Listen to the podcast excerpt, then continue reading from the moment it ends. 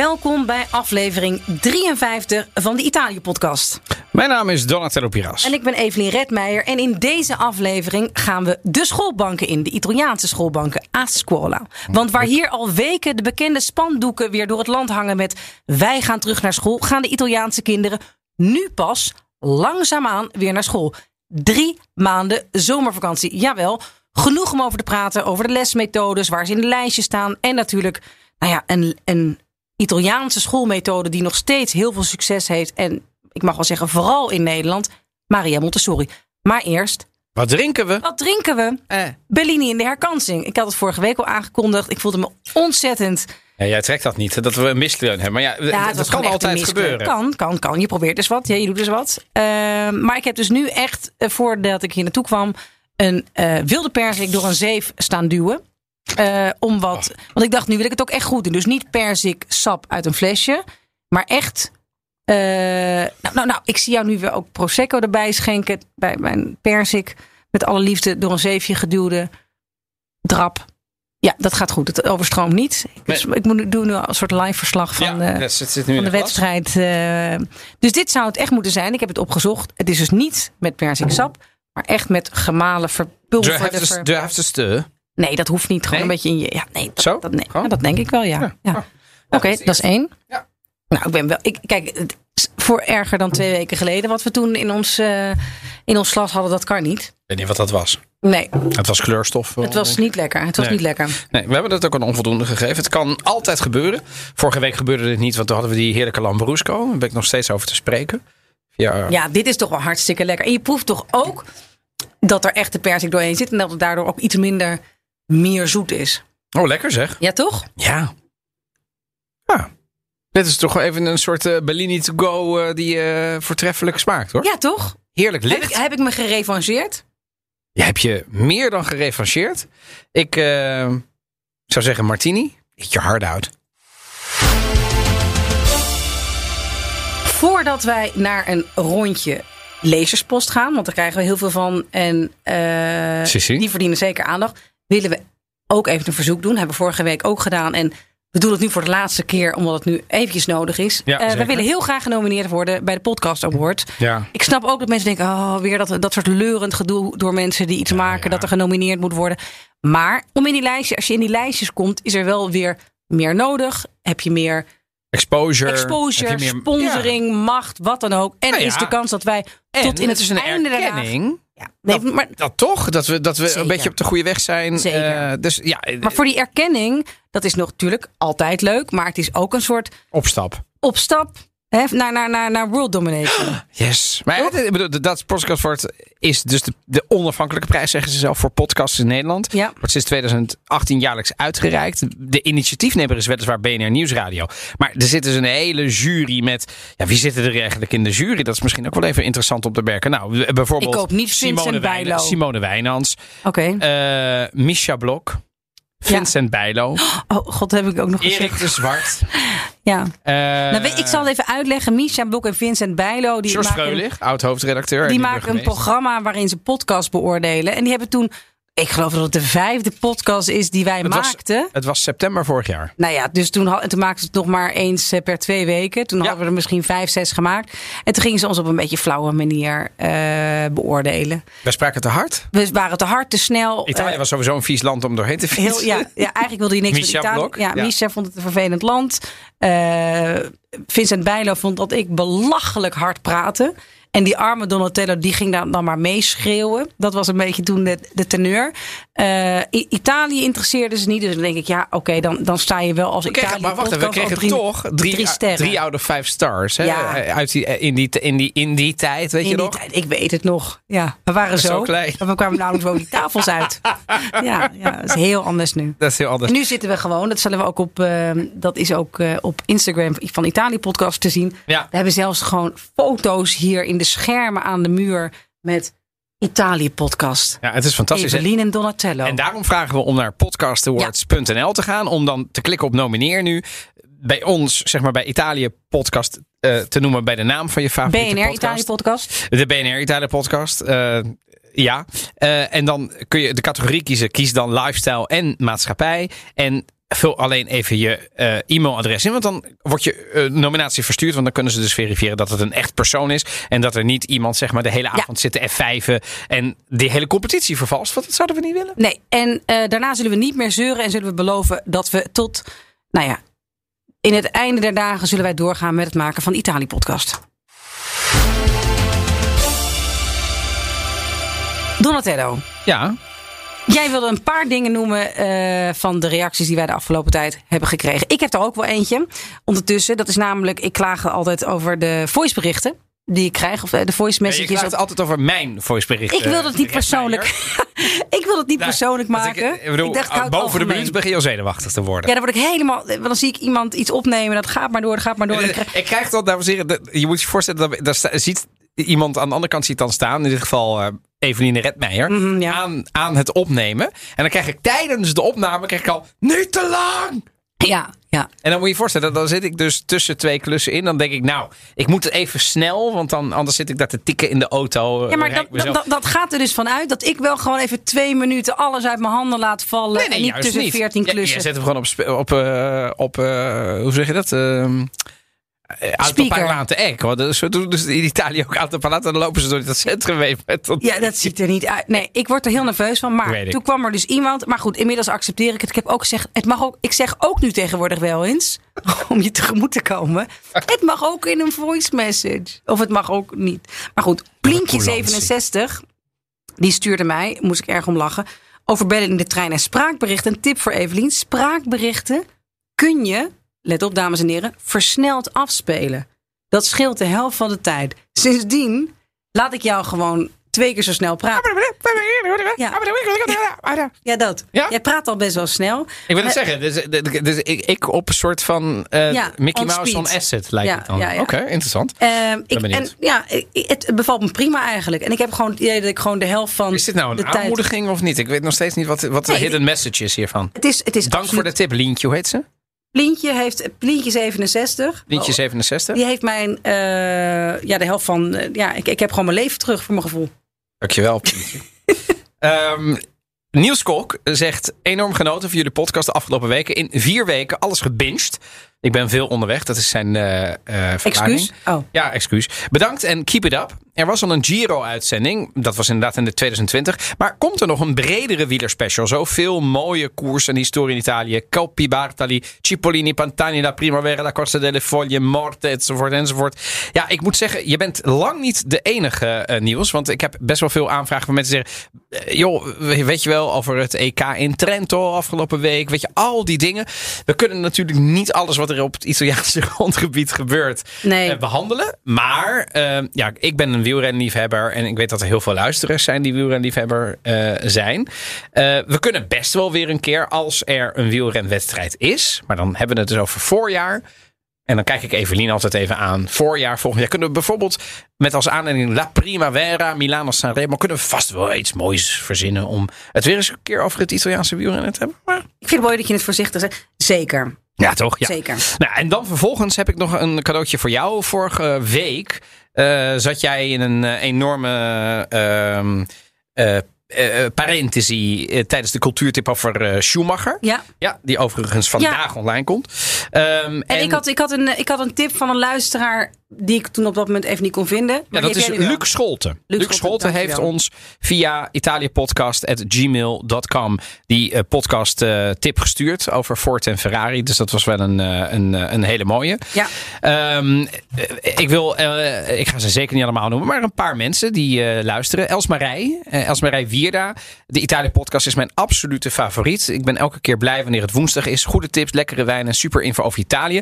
En hierbij foto's van misschien niet het allerbest bereikbare station van Italië, maar wel een hele mooie. En het is ontworpen door Santiago Calatrava. Speciaal voor gestopt met de auto op weg naar het zuiden. En niet voor niets, moet je kijken. Wat een prachtige... Skitterend. Is dat eh, ten noorden van Napels? Ja, ik, ik, ik bedoel, ik, ik moet hier eerlijk zeggen dat ik... Is dat niet Reggio Emilia? Dat zou ook kunnen. Ja, dus dat denk ik wel. Want ik bedoel, ik, ik, ik, ik vind het fantastisch. Dus ja, dat. eh, eh, en dan vervolgens komen mensen dus met. En dat mag altijd, want dan doen we inspiratie op. ehm, met Ciao Evelien en Donatello. Sinds kort heb ik jullie podcast ontdekt. Ik luister met heel veel plezier. En allerlei tips. En ik wil er één uithalen. Ja, En ehm, dat is, ehm, ik moet wel zeggen dat het best wel specifiek is, maar ik vond het wel mooi. Eh, de Italiaanse kolonisten in Libië. Na de Ja, onafhankelijkheid van Libië na de Tweede Wereldoorlog verbleven er nog enkele tienduizend Italianen in hun oude kolonie. En in 1970 heeft Gaddafi ze er allemaal uitgeknikkerd. Eh, Zeer specifiek, maar het is natuurlijk wel een enorm belangrijk onderdeel van de Italiaanse geschiedenis. ja het koloniale verleden. Zeker. Ja, Waar ze altijd ontzettend eh, achter de andere grootmachten in die tijd, zoals Nederland, aanhobbelden. Ja, Nederland was ietsje eerder, Engeland was ietsje eerder, Portugal, Portugal was was ietsje iets eerder. Spanje was ietsje eerder. Ze waren allemaal eerder. En Mussolini dacht, inhaalslag. Hallo. Libië, Albanië, Ja. They're ours. Ja. E- Ethiopië. Gaan we nog een keer over hebben? Ja, dat, is, en- dat is fascinerende materie. Want het materie, en dat heb ik namelijk ook wel eens gemerkt. Heel stom. eh, Ethiopisch eten vind ik hartstikke lekker. En toen heb ik daar een keer gegeten met, met wat Italianen. En toen werden we op een gegeven moment in het Italiaans aangesproken. En toen dacht ik, oh ja, natuurlijk. Die spreken dus, zoals ook oudere eh, Indonesiërs nog Nederlands spreken. Wel wat langer nog geleden. Maar daar eh, spraken ze dus nog goed Italiaans. En misschien, ik weet niet. Eh, ze hebben daar ook een ontzettende koffiecultuur. Ethiopische koffie, supergoed. Maar toen werden we dus in het Italiaans eh, geholpen. Toen dacht ik, oh ja, Ja. dat is natuurlijk ook wel een grappig gedeelte van, eh, of een interessant gedeelte van de Italiaanse geschiedenis. Dus zeker goede tips. Blijf die vooral sturen of via Italië Podcast op Instagram of de Italië Podcast zonder puntjes op de Italië. Italiëpodcast.gmail.com. Ja, ik heb er nog één, want die vind ik heel leuk. Mag, mag, is mag van allemaal. Alice Zamboni. Klinkt Italiaans. Molto Italiane. Klinkt niet eh, uit, eh, ja. Maar de, de mail is in het Nederlands. Beste Evelien en Donatello. Ah. Elke week luister ik met veel plezier naar jullie Italië-podcast. Die is- ik sinds kort heb ontdekt. Ik ben in Italië geboren en opgegroeid. Maar ik woon al negen jaar in Engeland. Waar ik nu met mijn proefschrift over Nederlandse kunst bezig ben. Oké, dus een Italiaanse woont in Engeland, schrijft een proefschrift over naar Nederlandse jou kunst. iedere week. En luistert naar ons iedere Eh, en daarom leer ik ook Nederlands. Dat volgens mij de beste taal ter wereld is. Dat vind ik, eh, dat durf ik in twijfel te trekken. Maar ik vind Nederland wel, Nederlands wel een hele leuke taal. En dat als Alice. Zamboni dat zegt. eh, Wie ben ik dan om dat tegen te dat spreken? tegen te spreken? Ik spreek ook een beetje Nederlands. Is eh, goed, ja. ja, is een beetje. Ik ben zeker niet de enige, zegt ze, maar jullie hebben dus ook luisteraars in Engeland. Ik vind de Italië-podcast uitstekend. Een interessante manier om mijn interesse voor de Nederlandse cultuur met mijn Italiaanse achtergrond te combineren. Nou, en vervolgens noemt ze natuurlijk eh, eh, ook weer tips voor onderwerpen. De massale migratie van jonge, gekwalificeerde Italiaanse mensen naar het buitenland. Cervelli in fuga. En of de Italiaanse gemeenschap in Nederland, La Comunità Italiana in Hollande, aanraden. En dan vervolgens zegt ze ook nog met, met eh, mijn excuses voor allerlei fouten die ze dan niet maakt. Niet maakt. Het is natuurlijk, ja. Nee. Ik- Alice, complimenten. Hartverwarmend, grazie Alice. En fijn dat je luistert. Nou, dit is natuurlijk. Ah, scuola! A scuola. Oh, mamma mia. De klassieke bel. Want in het noorden zijn ze vorige week al begonnen. Deze week in Midden-Italië. En pas volgende week maandag, jawel, de Bambini, Bambini in Puglia. Op Zo, dat is september al bijna klaar. 20 september. Daar, ja. Mind you. Mind ja. you, ja. Eh, opvallend, ze hebben meer schooldagen. Want iedereen zegt altijd, nou ja, daar, daar, daar hebben ze zo lang vakantie. Dat kan niet anders. Ze hebben meer schooldagen dan in Nederland. Het minimum is 200 dagen per jaar om een geldig schooljaar te zijn. En in Nederland hebben we er rond de 185. Maar Italianen kennen geen herfstvakantie, Geen geen, meivakantie. krokusvakantie, meivakantie. Wel rond Pasen en bij de, met de kerst twee weken. Maar ja, die eindeloze vakantie in de zomer. Drie maanden lang. De langste zomervakantie van Europa. Zelfs de Bijna Spanjaarden, 13 weken. Ja, ja. Bizar, ja. Hoe zou jij het vinden? Kijk, jij bent nog. Kijk, eh, Isabella, jouw oudste dochter, gaat nu net naar de basisschool. Dus jij hebt nog niet een heel erg gevoel van zomervakanties waarschijnlijk. Maar wat vind jij, wat heb jij meegekregen van die eindeloze zomervakanties Nou, heel veel. want ik bedoel, ik- Italiaanse familie? Ik ging natuurlijk toen ik zelf klein was en zomervakantie had hier in Nederland. Ja. Die, die, die, die zes weken. die schamele Die zes weken. schamele zes weken. Ging ik naar Italië. En daar hadden mijn neven en nichtjes natuurlijk al weken vakantie. En toen ik wegging hadden ze nog meer vakantie. Eh, maar wij gingen dan alweer naar school. En ehm, eh, ja, ik, vond, ik was er eigenlijk... Als kind was ik er altijd jaloers op. Ja. Want hallo, drie weken vakantie. Eh, Drie maanden. Zo, ja, drie Ja, ja. maanden. Ja, sorry, die drie weken, drie maanden. Dus ik was er vroeger jaloers op. Inmiddels denk ik er natuurlijk een stuk genuanceerder over. En dan denk ik, ja, ehm, kijk, de rest van het jaar.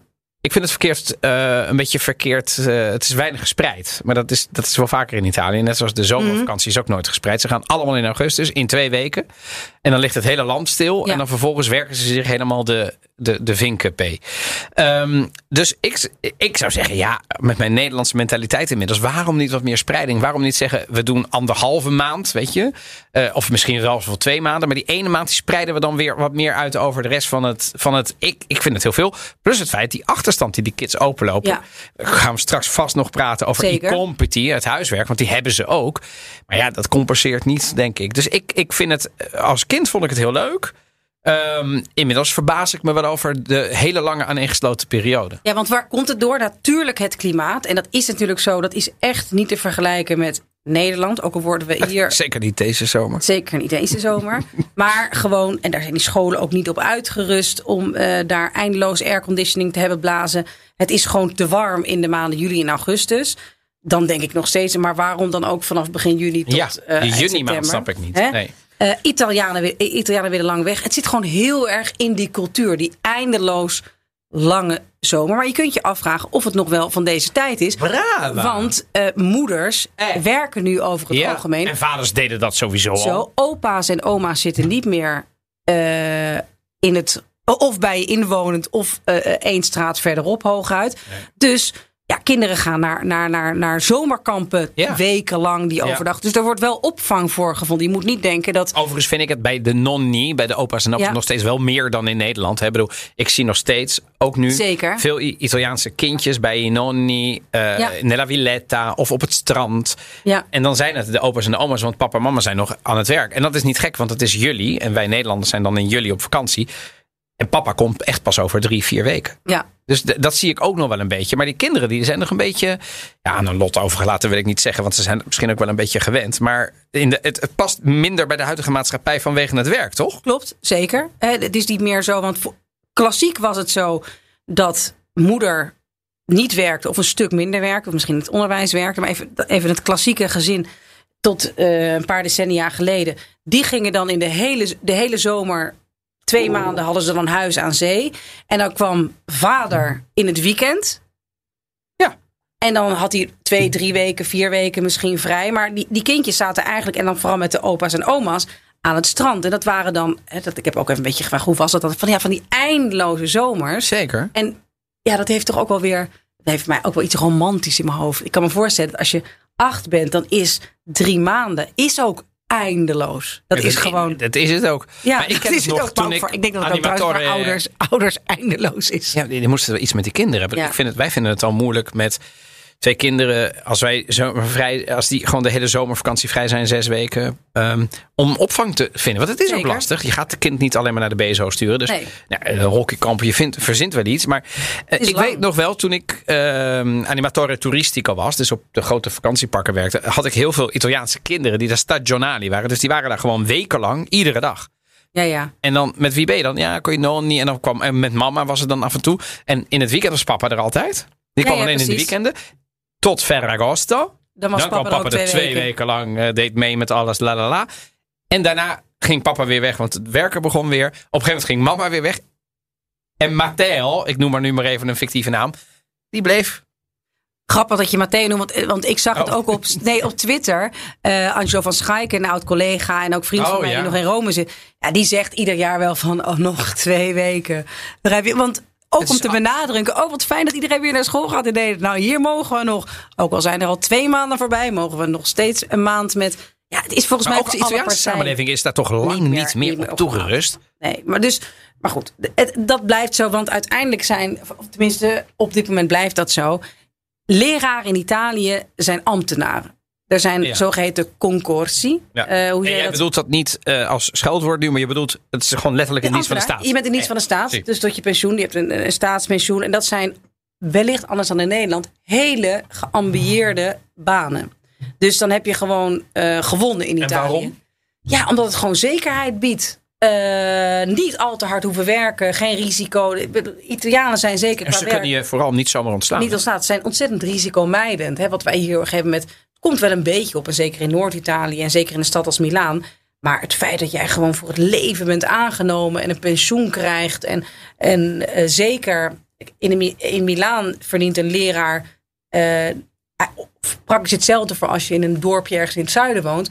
Je kunt je voorstellen dat als je ergens in het zuiden woont... of ergens in de provincie woont... dan heb je echt een heel keurig salaris. De kosten van het leven zijn er ook minder. Precies. Voor, voor wa- wat je daar uitgeeft eh, aan het leven. Ja. Nou, en daar zit ook wel bij dat het dus vrij prettig is dat je dus heel lang vrij hebt. Eh, dus ja, dat lijkt me dus als we dan over de kasten hebben, waar we het eerder over hebben gehad, over de lobbygroepen. Ik denk niet dat dat heel snel gaat veranderen. Maar wie weet, daar hebben we nu Mario Draghi en die heeft ook gezegd dat hij het hele onderwijssysteem wil aanpakken. eh, dat er iets gaat veranderen. Want het onderwijssysteem verandert nogal eh, met hoe het in Nederland is. Ja. In Nederland is. Ik heb eh, advies ingewonnen bij eh, Klaartje Heersen. Die werkt, eh, is een vriendin van mij, die woont in Umbrië al jaren. Sinds eh, haar eh, oudste dochter, die nu 14 is, een, eh, een kleine baby, peuter, eenjarige was. Eh, Dus en die heeft mij alle dingen doorlopen. alles doorlopen. Dus Ja. die heeft van, nu a- van asilo nido tot Exact, eh, exact. superiore. van wat zij er nou van vond. Dus zij heeft een, eh, vind ik, een genuanceerde mening. Kan ze goed uitdrukken. Ze is geloof ik nu zelfs bezig met een boek over leuk. haar leven op het Oemische platteland. Ik kan er ontzettend naar uitkijken. Van, Ik wil nu naar Umbrië, maar goed dat er zijn. er. Ja, kijk, het heeft, zij weet ook echt wel onder woorden te brengen de romantische kanten van dat leven daar. Met die uitzichten, dat licht, dat klimaat, de natuur en alles.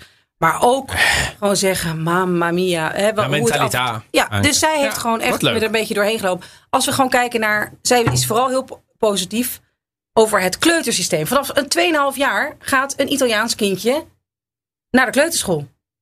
Hele dagen. Niks part-time ophalen, dit en dat. En dat is gewoon, ja, dan heb je een klein schortje aan. Een grembiule. Ken je dat? Een soort, Share ook. ook Ja. Ik vind dat wel, eh, ja, ja, ik vind het heel leuk. het ziet er toch heel leuk uit. Van die kleine, cute. van die kleine pakjes. Een beetje, Dus zijn vaak een beetje licht, licht soort- donkerblauwachtig. Dus die hebben ze dan gewoon over een kleren van die aan. kanten. Ja, van die kanten dingen en zo. Daar lopen ze allemaal in. Geen getut over merken. nee, die er nee, mooier nee, uitziet. Dat is heel mooi. Dus het is een soort schooluniformpje-achtig.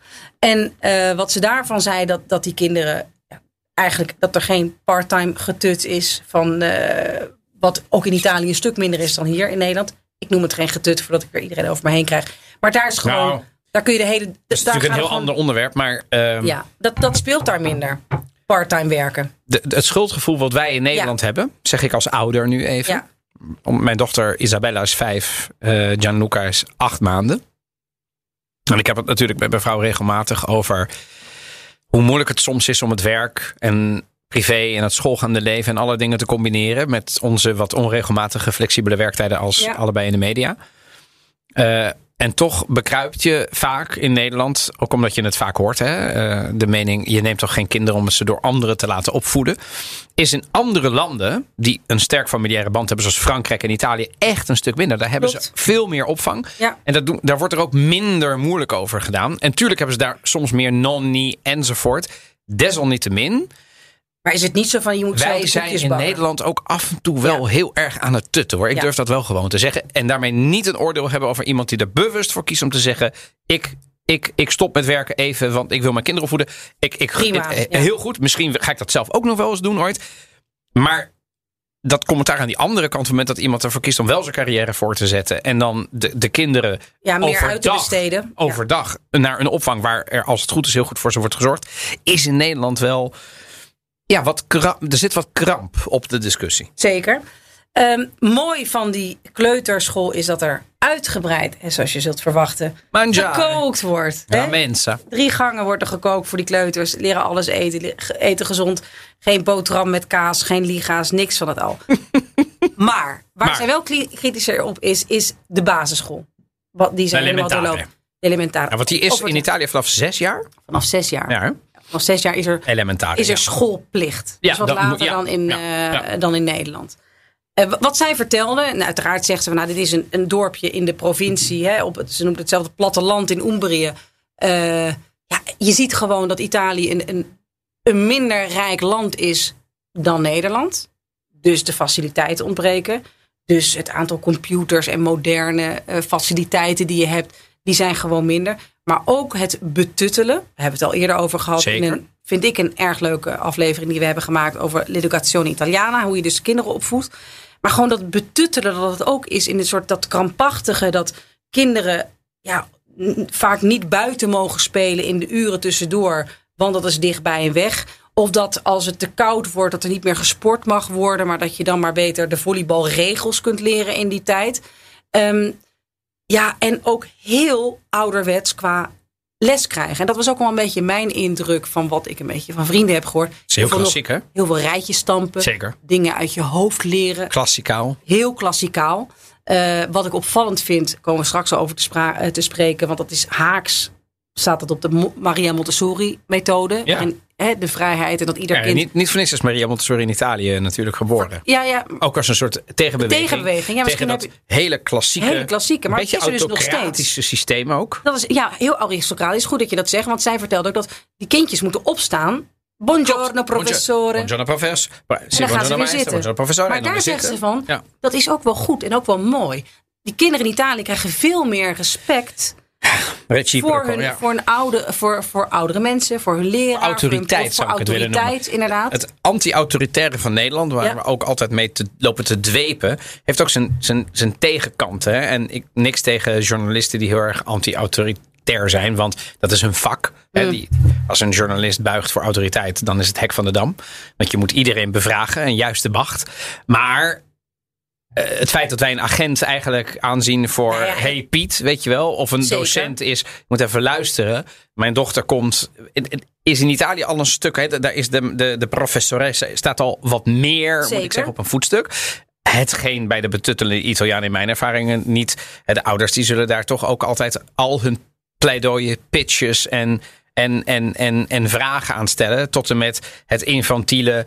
Zou u mijn dochter een paar keer per dag kunnen wijzen op het feit dat ze water moet drinken? Zou u mijn dochter dat je denkt, ja, maar dat zou nog ik moet, zijn. ik Dat, is- moet, dat ik moet hier een erger. klas runnen, jongens. Maar is dat dan in Nederland? eh, Nee, nee, dat laatste is Italië. Dat zou- dat geloof ik wel, heel ja. erg proberen, dat betuttelende. Maar het is ook een beetje bijna. En, en angst ook van, oh, maar als mijn dochter, maar ik zo, en Ja. als ze, per- eh, en als ze naar buiten gaan, dan heb ik daar een, een, een, een, een, wist- een, een truitje mee ingegeven. Dat ik denk, ja, eh, maar poeh, die docent moet de hele dag 25 kids. eh, Zeker, en daarom kiezen ze er, wat ik ook van Klaartje begreep, heel vaak ervoor van: oké, eigenlijk moeten ze dan daarheen. Maar dat, het is je gewoon te veel gedoe, want dan moet je weer van iedereen toestemming krijgen. En dat krijg je dan niet. Alleen al het uitdelen op school krijgt zij een lijst van: je mag bij die pasticceria, dus bij die eh banketwinkel, mag je wat halen. Met die ingrediënten, begrijp je? Je moet het echt niet in je hoofd halen om zelf iets in elkaar te, eh, te draaien. al- Als, om, om uit te delen. Nee, dat is in, in Nederland begint het natuurlijk ook wel steeds Ook meer een beetje nou ja, glutenvrij In Amsterdam, hè, dat, dat is mijn referentiekader. Ik bedoel, het moet gezond zijn. Het moet, eh, zeker in de COVID-tijd moest het ook allemaal single verpakt zijn. Je mag het niet zelf gemaakt hebben. Je moet, ah, mamma mia. Ja, maar dat, allemaal dat is de begrijpelijk. Hè, dat Overigens, de, COVID-tijd in Italië. Scholen zijn daar veel langer dicht geweest. Zeker. Kinderen zijn met mondkapjes naar school gegaan. Ja. Gaan nu weer met mondkapjes naar school. Ja, Dus en ze gingen al weinig Ze moeten allemaal, althans niet de basisschool, maar vanaf de superiore moeten ze ook allemaal gevaccineerd zijn. worden. Ja, nou, we gaan die discussie niet Nee. aan of dat goed of niet vrouw. Dus eh, wij hebben al eerder gezegd dat wij ons allebei hebben laten vaccineren. Eh, dus voordat hier nu de twijfel bestaat over dat we het er niet over willen hebben, omdat we tegen vaccinatie zijn. Maar we gaan Nee, laat die twijfel dan niet Nee. bestaan. Nee. Maar eh, over het schoolsysteem, het positieve en het verschillende is wel weer dat je in Italië veel meer onderwijs krijgt in, nou, je raadt het al, kunst en cultuur. Ja, Ja. mijn moeder heeft altijd gezegd en eh, idealiseert het misschien een beetje af en toe wellicht. Mhm. En zij kent het natuurlijk van haar, van haar jeugd en Ja. mijn vader ook. En, maar ze hebben dat altijd, het, het onderwijs altijd iets completer genoemd in Italië dan in Nederland. Hè. Dus in Nederland ben je zeker niet bezig met. In Italië kun je rustig een overhoring krijgen als Evelien. Eh, parlami della seconda guerra mondiale. En dan word je, hè, dus eh, praat over, vertel Mhm. me eens iets over de Tweede Wereldoorlog. En dan word jij geacht om zelf te rangschikken wat je hebt gelezen. En om daar dan gewoon een soort coherent verhaal van te vertellen. Ja, dat is in Nederland. Dat je denkt, hoe bedoel je praten eens over de Tweede Wereldoorlog? Stel eens een gerichte vraag. Wanneer Ja, ja. begon de Tweede? 1945. Wanneer, ja, maar weet je? de Seconda Guerra Mondiale, Ja. hè, praat over- dat, dat impliceert toch ook wel dat je gewoon een stukje uit je hoofd leert. De Tweede Wereldoorlog begon. Ja, Het en, heeft, wat, en wat het ze heeft- precies, het heeft allebei voor- en nadelen. Mhm. Ehm, alleen als je kijkt naar het vakkenpakket, eh, meer kunst, meer gedichten uit je hoofd Ja, liggen, meer, meer, dichters, ja. meer recita, eh, toneel. Dus het, het lijkt, vind ik, een beetje nog op de klassieke artes liberalis van de oude Grieken en de oude Romeinen, de zeven vrije kunsten, waarin ze zowel de wiskunde, maar ook de, mu de muzika en de mathematica en de wiskunde. Weet je, dus ze moesten meer vakken en kunst was net zo belangrijk en gym Ja. als. En dat zie je in het moderne onderwijs, zeker bij ons in Nederland, wel een beetje weggeëpt. Lichamelijke opvoeding is weggepromoveerd of gepromoveerd, gebezuinigd. Ehm, en we hebben een heel kernachtig iets met rekenen, taal. En daarna krijg je de vakkenpakketten. Ook nog iets wat in Italië niet bestaat. Hè? Die Nee. vakkenpakketten die wij hebben. Zeg maar dat, eh, dat, dat keuzemodel. Nee, dat, dat, dat is anders. Dus, dus in plaats van hè, de basisschool eindigt eh, in Italië op dezelfde momenten als die bij ons eindigt, 11, 12 jaar. Ja. Maar dan ga je naar de scuola media, wat Ja. een tussenschool is. Ja, want daarna heb je pas de duurt. superiore. Hè? Exact. Ja. En daar gaat iedereen naartoe. Dus dat de hele CITO-toetsstress die je hier hebt. En dat op je 11e, 12e wordt bepaald of jij kunt gaan studeren. Dat heb je daar niet. Dat is uitgesteld toch, dat moment? Dat is uitgesteld. Maar zelfs hè, de Scuola Media, hè, die drie jaar tot je 14e, 15e. Zelfs daarna ehm, is het niet zo heftig tussen VWO, HAVO, VMBO. Maar kunnen de meeste mensen, en er zijn wel gradaties, naar een liceo, een lyceum. Lyceum, hè. ja. Of het nou een artistiek lyceum is. Ja, want dat het- kun je wel weer kiezen, hè? dat kun je wel kiezen. Liceo artistico, scientifico. Het wetenschappelijke. Technico, ja. Technico. En eh, volgens mij vroeger, eh, toen ik eh, nog jong was. Precies, in classico natuurlijk met Latijn. Gymnasium, Eh, ja. Het is het, ja, precies, hè, dat is het. Maar volgens mij, ik heb de indruk, maar ik weet niet of jij dat weet, dat er vroeger minder smaken waren dan nu. Dat ze er meer smaak aan toe hebben gevoegd, heb ik de indruk. Dat zou best kunnen. Dat zou best kunnen. Dat er vroeger liceo de artistico- umana heb ik- had ik had ik heb ik er nog nooit van gehoord, als ik heel eerlijk ben. Dus ik denk dat, dat, dat het van, van, de- van, de- van, de, de- van humanistische wetenschappen. Dus ik denk dat ze misschien daar een beetje in gevarieerd hebben. De, de laatste jaren zou dat kunnen? Dat Op zou heel goed liceo? kunnen, Want maar- aan het einde van het liceo is ook de maturita hè, die, Ja, je- die je dan doet. Dan moet je een groot staatsexamen doen. Maar wat ook weer anders is, dat is eigenlijk il liceo. Sommige mensen stoppen al naar de, dus de tussenschool. Maar dan ga je dus niet naar il liceo. Maar dat, doet, dat doen de meeste Italiaanse scholieren wel. Ja. En al die mensen kunnen naar de universiteit. Klopt. Dat vind ik voor- en nadelen hebben. Volgens mij beginnen in Italië veel te veel jongeren aan de universiteit. Universiteit Je hebt ook heel veel drop-outs. heel, ja, heel veel drop-out. Ja, ja. Want de universiteit is niet voor iedereen. Dat bedoel ik niet qua intelligentie. Maar meer, ja... Nee, maar sommigen zijn praktisch geschoold. Exact, zijn en, en praktisch die moeten geschoold. eigenlijk gewoon naar het beroepsonderwijs. En die hebben helemaal geen zin om nog vier jaar lang allerlei boeken en Theoretische, theoretische dingen te leren. Helemaal. Dus en dus die stoppen ook. Hè? die stoppen halen het na het eerste jaar niet meer en dan Ja. is het klaar. ja, dus dat, dat is toch. Maar die hele red race die er in, hier in Nederland is, dat je op je twaalfde al moet bedenken. En, ik vind en- het keuzemoment in Nederland eerlijk gezegd iets te vroeg. Ja, Met, dat, zeg ik ook omdat ik daar zelf ervaring heb. Omdat ik zo vroeg heb moeten kiezen dat ik nou ja, eigenlijk pas later kwam tot een soort volle wasdom. Maar dus het is ook een beetje biased. Ja. Het is een beetje beïnvloed. Wat ik er wel aan vind in Italië is... ehm, als je gaat kijken naar liceo... ehm, ik merk wel, ik weet niet of dat aan het, aan het liceo ligt. Aan, dus aan de vooropleiding voor de universiteit. Maar als je keek, volgens mij 10, 15 jaar geleden. Maar ik denk 10 eerder nog. Had je tot 15, 16 procent van de Italianen had een hogere, hogere opleiding Mhm. hè, Beroepsonderwijs dan wel universiteit heel vaak. Inmiddels is dat al, al, al boven de 30. Dus het stijgt wel eindelijk. Want dat was natuurlijk je had in Italië tot voor kort relatief weinig hoger opgeleiden. Zeker vergeleken met, met, met de Noord-Europese landen. Dat is wel aan het stijgen. En ik weet eerlijk gezegd niet, ligt dat nou aan het feit dat die vooropleiding beter is. Waardoor ze het dus wat langer volhouden. Want ik Ja. weet dat heel veel mensen die stap niet eens meer durfden te zetten naar de universiteit. Want ze dachten, ja maar wat is dit? wat ga ik daar doen? Ja, wat ga ik daar dan doen? Omdat daar gewoon misschien beroepsopleidingen die, die praktischer zijn, eh, voor in de plaats zijn. Ja, eh, en die gingen maar gekomen. werken. En wat mij eigenlijk opviel, want ik heb toen een uitwisseling, uitwisselingsproject gedaan met een school in Alessandria, in Oh, Piemonte, toen ik Ja. 15, 16 was. En toen ben ik daar nog eens teruggekomen. En toen heb ik, ben ik een dag mee gaan draaien daar op school. Oké, dat. In plaats van wat anders is, wat je net al zei met dat vakkenpakket. Iedereen doet dezelfde vakken. En de klas blijft zitten.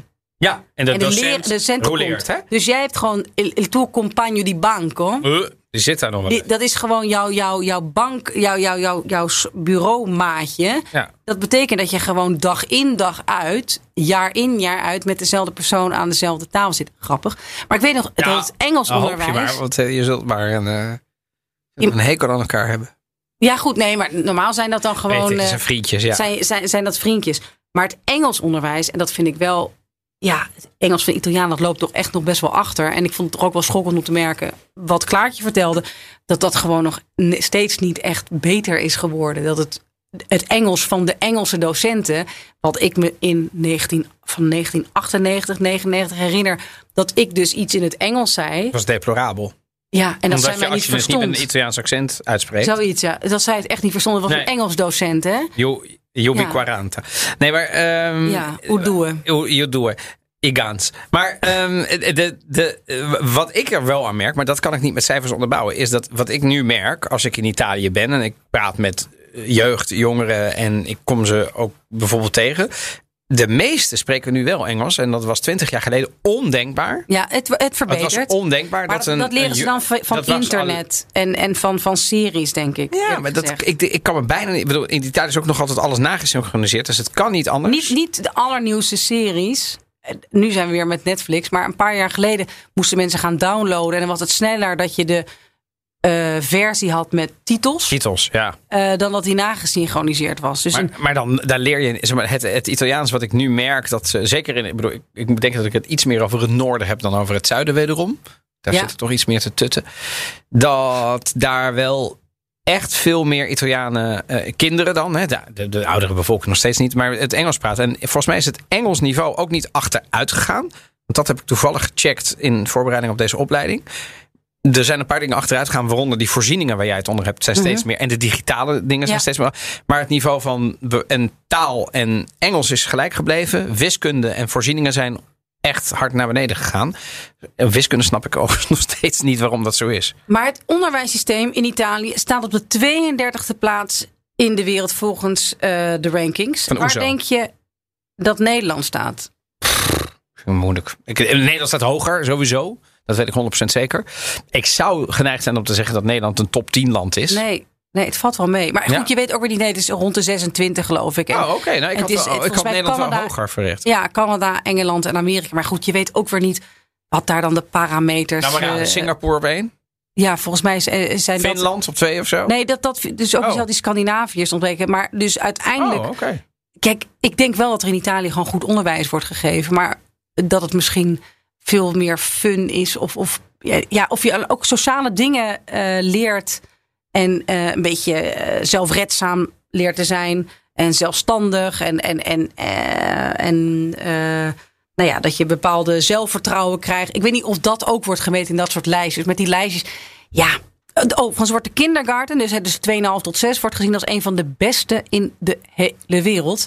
En er moet natuurlijk wel een verschil gemaakt worden de- tussen helaas nog weer het noorden en het zuiden Italië. Ja. In, de, in het noorden is de kwaliteit van het onderwijs veel beter dan in het zuiden. Dat zeggen ook, eh, ook eh, dit soort lijstjes. Eh, ja, ik had nog een ontzettend veel over Maria Montessori, maar dat Oh, komt ja. misschien nog wel weer een andere Nee, keer. ik, ik- kort even, want jij bent een Montessori kindje. Ik ben een Montessori kindje. En dat is natuurlijk wel heel bijzonder. Ehm, zij is. Ja, zij heeft eigenlijk, is geboren in 1870. En toen heeft zij eh, in opdracht van de regering in de Sloppenwijk in Rome, Casa dei Bambini, is zij gestart.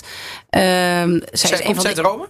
Eh, zij komt uit Ancona. En zij was een van de eerste afgestudeerde vrouwen in Italië. Ja. Medicijnenstudie. Nou, gewoon een geniale dame. Vind ik ook hoor. Ja. Eh, en zij is toen eh, ja, kinderen waarvan de ouders buiten, beide buitenshuis moesten werken. En die moesten worden opgevangen en begeleid. Dat was vroeger nog iets blijkbaar voor de, voor de armere gezinnen. Dat je dus je kind aan anderen moest uitbesteden de hele dag. Ja. En zij had in dat Casa de- de Bambini had zij spectaculaire resultaten. En eh, nou ja, zij gaat er eigenlijk vanuit dat kinderen dus ehm, in hun eigen tempo kunnen leren, gebruik maken van hun eigen kunnen en met speciaal ontworpen Montessori materiaal, dus dat je spelenderwijs Ja. dingen leert, dat je niet klassikaal les hebt, dat je gewoon op met je eigen ritme, dat ieder kind anders Eigen is. tempo, hè? Is heel erg Montessori, tempo. toch? Ja, Maar heb ik- jij de basisschool of de middelbare school basisschool gedaan. Ja, ik vond het geweldig. Ja? Ja, ja, ja, ja. Ik, Ik, was. ik zie het niet aan je. Nee, nee. nee, ja, nee, ja, die- nee, Ja, ik weet het is ook geen vrije school, hè? Dat wordt heel vaak gezegd. Nee, het wordt niet vrije het- school, maar het was wel. eh, ik, vond, ik vond leren heel leuk, maar en het hield nooit op. Dus, dus op een andere school hadden ze waarschijnlijk ja, je hebt nu je taakjes af, dus klaar. Dus er werden alle dingen verzonnen en dan mocht ik weer andere dingen halen en dan mocht ik een, een spreekbeurt geven. En je wist ook niet allemaal wat er in de klas gebeurde, wie nou voor en achter liep. En dat vond ik wel heel leuk eraan. Kijk, richting groep 8 weet je wel wie dan.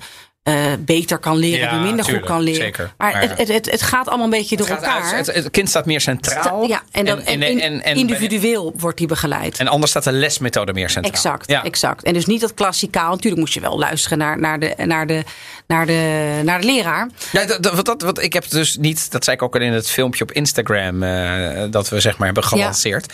Ik heb er nooit op gezeten. Ik ken wel heel veel vrienden van mij die natuurlijk de Montessori's hebben gedaan. Ja. En ik heb les gegeven, debatlessen op Ja. En dat waren wel vaak de scholen die ook heel veel de debat eh, eh, toernooien deden in die tijd. Ja. Eh, wat mij altijd of ik weet of dat ik in, in, in het Haags Montessori Lyceum Den Haag en dat ik daar aankwam en ik, ik had natuurlijk een pak aan en dan kwam er zo'n jongen aan en die zei Hoi. Wat, wat, wat kom jij doen? Ik, zeg zeg, nou, ik kom lesgeven. Oké. Wat voor les? En ik, ik, bij al die andere scholen, weet je, dan kwam je bij het Calvijn, College in Goezen. Dan was het nou bij die Goedemorgen. En dan gaan we doen even dit en een kopje koffie en dit. En daar was het gewoon een soort van, ja, Je bent gewoon gelijk. je bent bedoel, gewoon allemaal ja. gelijk. En, Ja. en dat was ook een soort totale. oh, Je kwam ook die klas binnen en they didn't care less dat je er was. En zo. Dus ik had af en toe ook nog, maar ik weet niet of je dat herkent. Maar dit was een middelbare school dat het ook een soort van anarchie was af en toe. Zeker. Ehm, eh, en, en ja, autoriteit is niet per se iets wat Nee, en het zou je dan ook niet verbazen dat toen Mussolini aan de macht kwam, die moest niets van die hele Montessori-praktijken hebben. Terwijl zij toen Oh. al internationaal. Zij is toch ook verbannen? Zij is verbannen en toen moest ze weg. En ze heeft in India gezeten. Kon ze voor de Tweede Wereldoorlog kon ze nergens meer heen. Ze heeft heel lang in, La, eh, in Laren gezeten. Laren is een Montessori school. De- moet je je voorstellen, ik ga het nu eigenlijk al verklappen zonder dat ik je de vraag stel. Er zijn meer Montessori scholen in Nederland dan in Dat Italië. verbaast me niet, want het is heel lang. Het is een hele be- een populaire bekende methode. uitdrukking in Italië is ook nemo est profeta in patria. Dus niemand is profeet in eigen land. En dat, in Italië geldt dat enorm. Hè? Bedoel, ze hebben Columbus weg laten gaan, Galileo Galilei. En ook Maria Montessori. Dus he- volgens mij heeft het heel lang geduurd tot ze daar erkenning kreeg, toch? Maar in weet je, waar, Italië. weet je waar de meeste mensen haar van kennen, van Maria Montes, eh, haar van kennen, Maria Montessori? Dat was zo. Omdat ze op de achterkant stond heel lang van het duizend Ah, lierenbiljet. sì, è vero. Da- Mille lire. Ja, dat, dat silhouet. Ja, met, haar, boven die, boven die, en boven aan de achterkant boven die spelende kindjes. Ja, fantastisch. Ja. Mancavo dall'Italia fino dal 34, Ach, l'anno in cui hanno chiuso tutte le scuole col mio metodo. Rimasi in Europa fino al 39. Poi dopo sono andata in India. Dit is Maria Montessori en een van de weinige fragmenten die bewaard is gebleven. Want ja, waarin ze vertelt dat ze verbannen is uit Italië. Omdat al haar scholen werden gesloten door Mussolini. Ze naar Nederland is gegaan en toen naar India is gegaan. E in questo modo ho potuto preparare circa 1500 maestri. Ja, 1500 maestri. Dat was in India, want zij dus in die- heeft ze daar leraressen opgeleid. Ja, maar zij was dus echt een begrip. Dus wat, je moet je voorstellen dat. En dan eh, gaan, we er een, eh, gaan we er toch een punt achter Ja, zetten. ik heb, ik heb één, aan het einde heb ik één oproep voor onze luisteraars hierover. Dus in, zelfs in 1915 was zij al in de Verenigde Staten en is ze naar de wereldtentoonstelling in San Francisco eh, gegaan. Het is er speciaal voor haar een klaslokaal ingericht met een glazen wand. Waarachter de toeschouwers met eigen ogen konden zien hoe de kinderen, arme kinderen, met haar methode aan de slag gingen. En eh, nou, dat, dat blijkbaar, helaas zijn er geen beelden van. Dat schijnt dus echt iets opzienbarends te zijn geweest. Dat kinderen die normaal nooit luisteren, niet geïnteresseerd waren en helemaal niet gewend waren om dingen onderwezen gekregen, ehm, eh, onderwezen Te, te hebben gekregen. te, te krijgen. eh, dat die gewoon aan haar lippelingen en met al het materiaal aan de slag gingen. En een hele, hele, hele bijzondere vrouw. Dus ik ben blij dat je nog even hebben gezegd dat we er toch Nee, eventjes maar Maria En wat, wat mij er altijd in heeft aangesproken is alle eendimensionale systemen. En ik denk dat het Nederlandse systeem nog, dat nog minder heeft dan het Italiaanse. Namelijk dat eenrichtingverkeer, dat klassikale. Toen, als ik altijd debatlessen gaf, dat traint het verbale. Wat ik altijd merkte is dat de docent na afloop dan altijd tegen mij zei... Dan hadden wij even een chit-chat. En zei ze, wie vond je nou de beste? En dan zei ik, maar eigenlijk die, die en die. En zei ze, dat is grappig hè? Die hebben het laagste CITO-advies. Of die hoor ik normaal nooit. Ja. Kortom, omdat je dat nooit traint. Ja. Omdat je altijd een beroep doet op cognitieve vaardigheden en nooit op verbale en of andere vaardigheden. Waardoor de kinderen nooit. Maar dat zijn geen domme kinderen. Dat zijn kinderen die alleen op een andere manier leren. En ik, wat ik er mooi aan vind bij Maria Montessori is. Daar staat het. Ik heb er nooit op gezeten. Maar ik heb het wel altijd bij anderen gezien. Het kind staat altijd wel heel erg meer centraal. Dus dat vond ik mooi. En ik ben heel erg benieuwd. Ik weet uit ervaring, omdat ik in de afgelopen weken. Er zijn er ook een paar naar mij toegekomen. die nu naar Italië gaan om daar te studeren. Bijvoorbeeld in Bologna of in Perugia. Eh, en zelfs één in Rome. En daarna naar, naar Firenze. Dus ik ben jaloers. Ik zou bijna weer terug willen. Ik ben zo benieuwd. En jullie mogen dat via italiapodcast.gmail.com. Of gewoon via Italië Podcast op Instagram. En dan een chatbericht sturen. Laat ons even weten. Hoeft natuurlijk niet morgen als je net bent begonnen. Maar zo. Hoe, wat is de ervaring en eh, wat vind je ervan? En merk je inderdaad het grote verschil tussen het Nederlandse systeem, het hoger onderwijssysteem en het Italiaanse systeem? En wat valt je op? Ik ben er gewoon benieuwd naar. È un premio davvero, io eh, si dice sempre l'emozione, quelle cose là, ma qui va al di sopra, sapete che noi abbiamo gli istinti, le emozioni e in vetta ci kent deze? sentimenti. Roberto! Ben- ja, Roberto E questa la è cadenza. Un sentimento Ja. per voi, nemmeno Toscano, Toscano, Toscano. Allora, Roberto. Benigni heeft de Oeuvreprijs in Venetië op het filmfestival Oh, echt gewonnen. waar? Se non Ja. rimandando En die heeft een soort- decuplicata, ja, op zijn centuplicata, manier. proprio con tutto il mio Een soort- sentimento Hij declameert altijd, sento. hè? Declameert. Een soort een speech van, van 10 minuten gehouden zonder briefje. Dit was zijn, eh, dit was Ja, zijn, zijn ontvangstspeech. Hij zei van, ah ja, ja. Hij zei van, ja. Hè, ik ben niet eens een. Hij zei van, ja, het is, een, het is zelfs een leeuw, een gouden leeuw begonnen. Dus niet een of ander klein hondje, maar een gouden leeuw. En dan gaat het naar Mattarella en zijn vrouw en dit in Italië. En hoe mooi het gebouw is. Ik en moet zo hard lachen, want ik vind hem... Ja. Het is, het is, het is volledig... Niemand eh, zoals hij Niemand zoals hij. Absoluut uniek.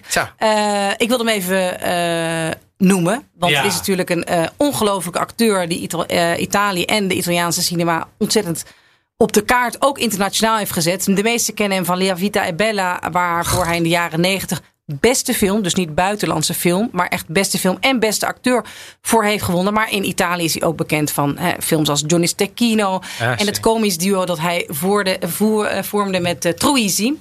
Een Napolitaanse Ah, acteur die veel te sì. jong gestorven Ach, is. Hij kent de Divina Commedia van Dante uit zijn hoofd. Ik zal jou niet over horen vanavond. Nee, nee maar en, eh, eh, Google dat en YouTube. Want deze man heeft. Ik, ik denk dat er wel tientallen zijn waarin hij dat gewoon uit zijn hoofd op een dorpsplein staat te doen. Ik vind het zo knap. Ongelooflijk. Ik wilde toch nog even een filmtip geven. eh, die we ook op, eh, op onze Instagram zullen zetten. Dat is To Rome with Love van eh, eh, Woody Allen. Een klein beetje een draak.